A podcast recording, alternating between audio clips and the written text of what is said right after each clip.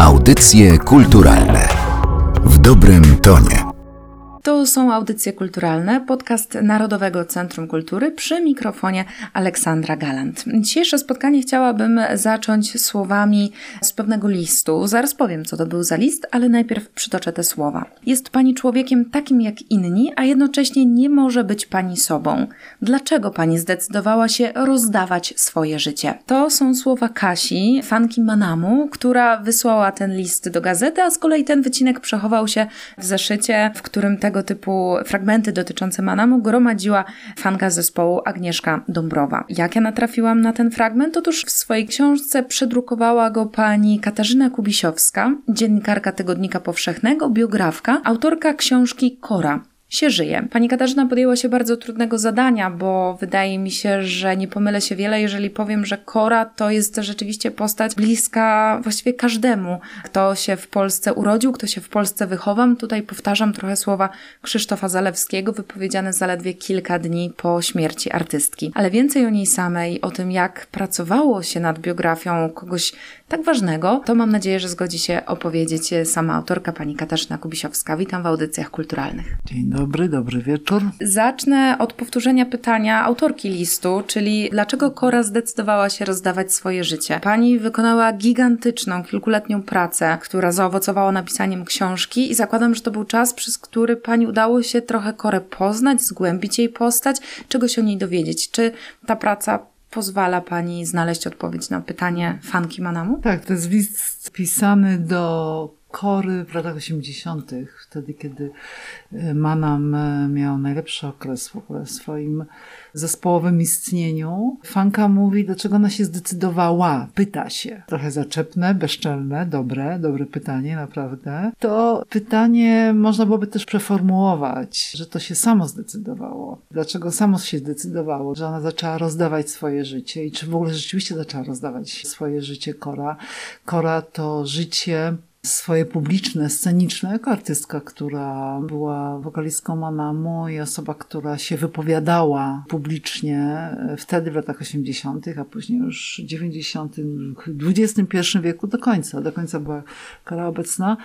Mówiła o sobie prywatnej, ale mówiła tyle, ile chciała. Ona to bardzo kontrolowała i też tutaj sporo spraw, wątków unikała albo mówiła tylko troszkę, zostawała niedopowiedzenia powiedzenie, taką pauzę, albo po prostu zwyczajnie mistyfikowała, do czego miała absolutne święte prawo, bo była osobą, która kreowała swój wizerunek, taka też była jej rola, to była artystka rockowa i ludzie chcieli patrzeć i słuchać kolorowego ptaka, ciekawej osoby, trochę wymykającej się, prowokującej. I ona tym grała. A ta moja praca, którą pani pyta, kilkuletnia, trzyletnia nad książką pod tytułem Się żyje, była też po to, aby dotrzeć do tego, co w korze najprawdziwsze czy najbliżej prawdy o tej kobiecie, o tym człowieku. I to, co ona starała się ukryć, odsłonić, ale nie właśnie w taki sposób tabloidowo-sensacyjny. W ogóle nie mam takiego myślenia o pisaniu, o non-fiction,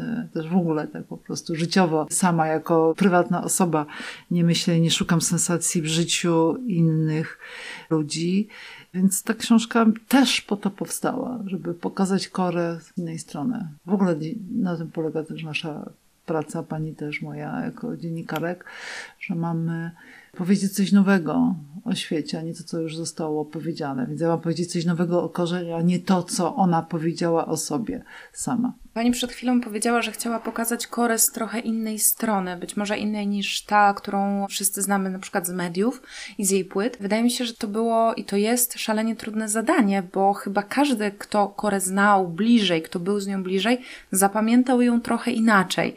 I mam wrażenie, że w takim powszechnym postrzeganiu Kora z jednej strony wydaje się taką artystką idealną, z drugiej strony kimś chimerycznym, z trudnym charakterem i to są takie dwa bieguny, a z lektury książki wynika, że tych jej cech było dużo, dużo więcej. I to jest fascynujące, frapujące i bardzo pociągające. I sądzę, że jednak nie jest to nic tak bardzo nowego, bo ludzie mają w sobie rozmaite takie możliwości ludzkie i wiele odsłon, które po prostu się zmieniają, bo nas życie zmienia. Zmieniamy się poprzez czas, który płynie, poprzez to, że kiedyś byliśmy dziećmi, a później jesteśmy młodymi ludźmi, a później dorosłymi, bardzo zaawansowanymi, starzejemy się i to wszystko ma ogromny wpływ nie tylko na taki proces fizyczny, ale też psychiczny.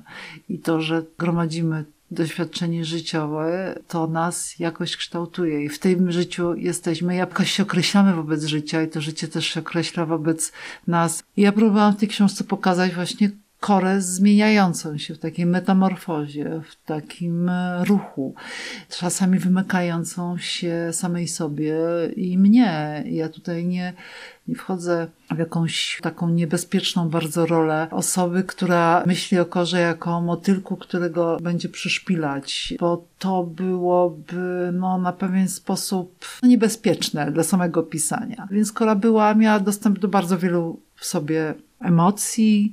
To była kobieta temperamentna, z mocnym charakterem, bardzo wyrazista, z wielkimi amplitudami emocji, od miłości do nienawiści. Bardzo szybko potrafiła się przetransportować od dobroci do zła, od czułości do cynizmu. To wszystko w niej tak się bardzo kotłowało. Myślę, że to dla niej samej było dość trudne w życiu, bo jak człowiek ma takie wahania bardzo ostre, emocjonalne, to musi być to dla niego, tak przypuszczam, bardzo obciążające i też dla otoczenia.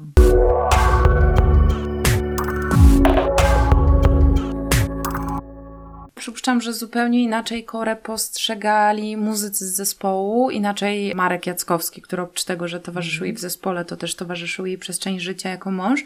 Inaczej synowie, których przecież dzieciństwo w dużej mierze no, kształtował tryb życia rodziców. Inaczej Kamil Sipowicz, który, no jak pani pisze w książce, pod koniec życia Kory doświadczał z jej strony wiele okrucieństwa, takiej można powiedzieć nawet agresji, którą nie wiadomo, czy ona do końca kontrolowała. Inaczej pewnie też przyjaciółki, przyjaciele, których widziała co jakiś czas, ale którzy jednak byli z nią do tych ostatnich chwil na roztoczu. Pani mówi o relacjach, relacjach z bardzo różnymi ludźmi, dalszymi, bliższymi.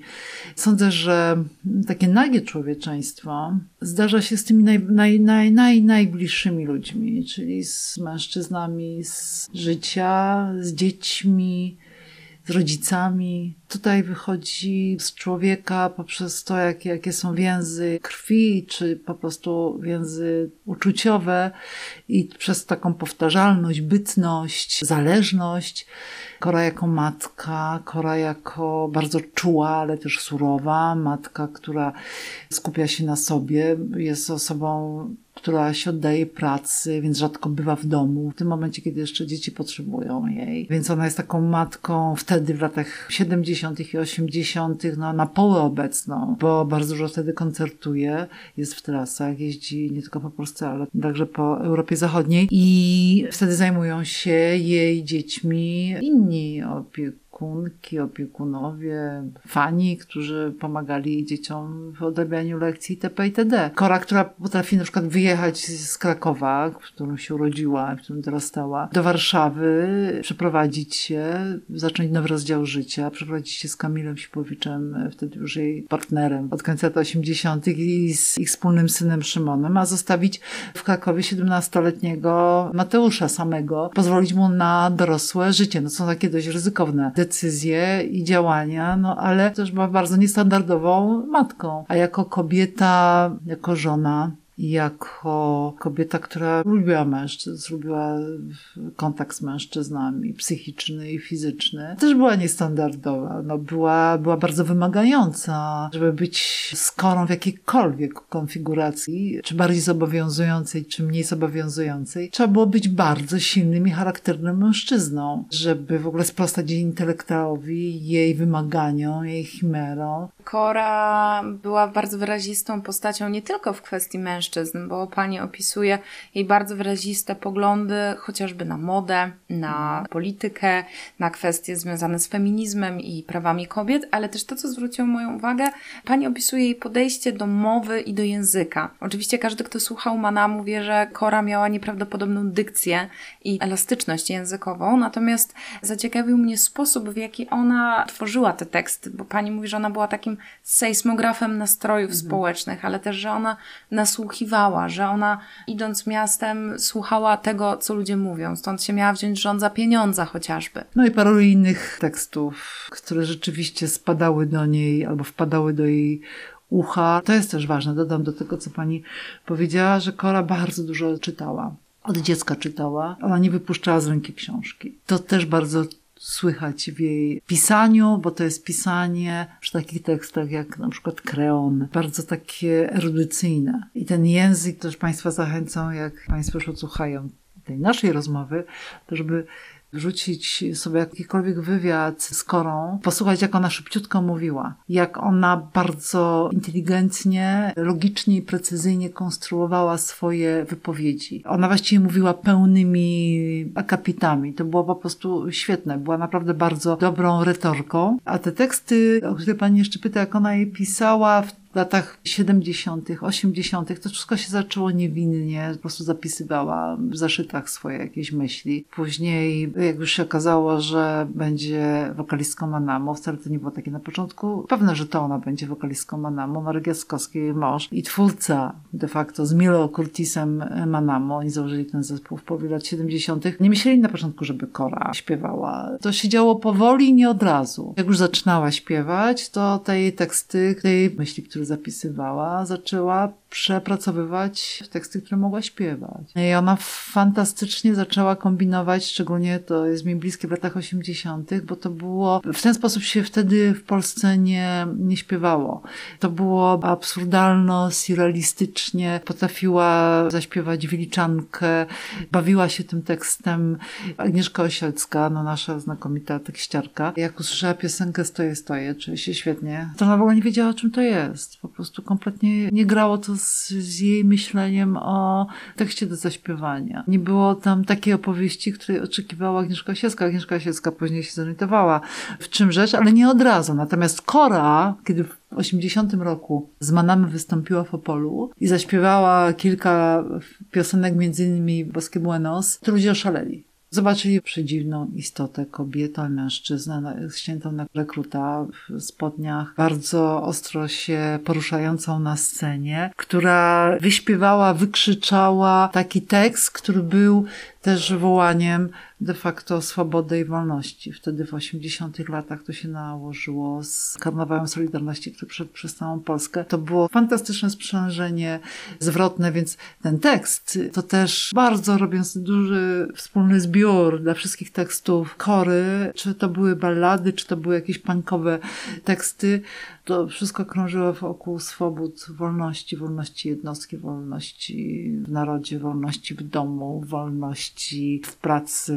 po prostu wolności, która ma być dana człowiekowi. Przyznam szczerze, że mnie samą książka bardzo wciągnęła i zaczęłam szukać odpowiedzi, z czegoś to brało, czy z tego fenomenu, jakim była Kora, czy z czegoś innego. I zwróciłam uwagę, że w książce bardzo często pisze Pani o tym, co się działo w czasie teraźniejszym. To sprawia, że Kora trochę tak jak jest, w dalszym ciągu pozostaje żywa, żywa w naszej pamięci. Pisze Pani o tym, że Kora coś zrobiła, Kora poczuła, Kora wyjechała. To nie jest zbiór wspominek o osobie, która dawno zniknęła. No bo ona jest dlatego żywa. Po pierwsze, no wszyscy ją jakoś pamiętamy, którzy w pani w moim wieku, starsi i też trochę młodsi. Kora odeszła 5 lat temu, w lipcu 2018 roku. Ten czas teraźniejszy, no to jest taki po prostu chwyt też narracyjny, żeby, żeby mieć poczucie, że mamy do czynienia z osobą obecną, ale też no sztuka jest nieśmiertelna. Ja piszę artystce. Jej fizycznie nie ma, ale jej piosenki piosenki dzięki internetowi na przykład są słyszalne, ale jej piosenki też dzięki internetowi, przede wszystkim płytom, są słyszalne, ale też jej piosenki są słyszalne dzięki współczesnym wykonawcom. Od Ralfa Kamińskiego przez Michała Pepola, znakomitego, mój ulubieniec, Natalię Przybysz i tak dalej, i tak dalej, które są na nowo przez nich zaśpiewane, zinterpretowane. Czyli proszę zobaczyć, jak wielu artystów sięgnęło po korę. I ona jest cały czas jakby żyje. Jej tekst, jej myśl, jej przekaz w nowej wersji, zaśpiewany innym głosem, w innych w ogóle już okolicznościach też. Jak on jest mocny. Mówiła Pani o artystach, którzy sięgnęli po Korę i po jej twórczość. Ja podchwycę ten wątek i na koniec zapytam o to, jak Pani wspomina ten czas, kiedy zdecydowała się po postać Kory sięgnąć, bo mam wrażenie, że możemy się trochę spierać, czy ona była bardziej zagubiona, czy ona była bardziej ofensywna, czy była bardziej wrażliwą duszą, trochę zranionym ptakiem, czy kimś, kto idzie ostro do przodu, ale chyba nikt nie ma wątpliwości, że była to postać bardzo zagarniająca przestrzeń wokół siebie, wokół której trudno było pozostać pozostać obojętnym. Dlatego proszę powiedzieć, jak to było w Pani przypadku? Czy te lata spędzone na pracy nad książką to były lata zdominowane przez Korę? To były dobre lata. Tłuste trzy lata w moim życiu. Oczywiście każda osoba, która podejmuje się pisania non-fiction, książki, która nie wyskakuje z mojej wyobraźni, oczywiście w tej książce i w każdej innej, nawet jeżeli ona jest oparta na faktach, bardzo istotna jest praca wyobraźni mojej, nie tylko językowej. Mnie uruchamia, co mogła czuć, co mogła myśleć, z kim ja bym mogła nawet rozmawiać o korze, w jaki sposób i tak dalej. Nie mogłam się dać zagarnąć absolutnie korze, w takim sensie zassać jej, tak, żeby ona nie zostawiła miejsca, no bo wtedy bym była sparaliżowana jej siłą, jej osobowością, bym mogła napisać hagiografia, to jest mi kompletnie obcy, w ogóle tak nie myślę o pisaniu, żeby pisać na klęczkach. To był bardzo taki czas podróży mojej w głąb siebie. No, pisałam o kobiecie. Jestem i czuję się kobietą. Pisałam o kobiecie, która jest z Krakowa, że jestem z Krakowa. Pisałam o kobiecie, która się wychowywała w tej samej dzielnicy, w której ja też się wychowywałam, nawet przez jakiś czas. Tylko ja byłam, jestem od kory 20 lat młodsza. No byłyśmy sąsiadkami, tylko ja wtedy byłam małą, zezowatą dziewczynką, a ona już była naprawdę świetną wokalistką na scenie, więc ja jej nie rozpoznawałam i ona na pewno mnie też nie. Natomiast też robiłam bardzo dużo innych rzeczy. Kora była, jest ważną częścią życia, ale nie taką, która zabiera na wyłączność. Uważam, że żaden bohater nie powinien zabrać dziennikarza, osobę piszącą na wyłączność bo to źle wróży książce. O korze przedstawionej w książce Kora się żyje opowiadała autorka Katarzyna Kubisiowska. Bardzo dziękuję za rozmowę. Również dziękuję. Audycje kulturalne w dobrym tonie.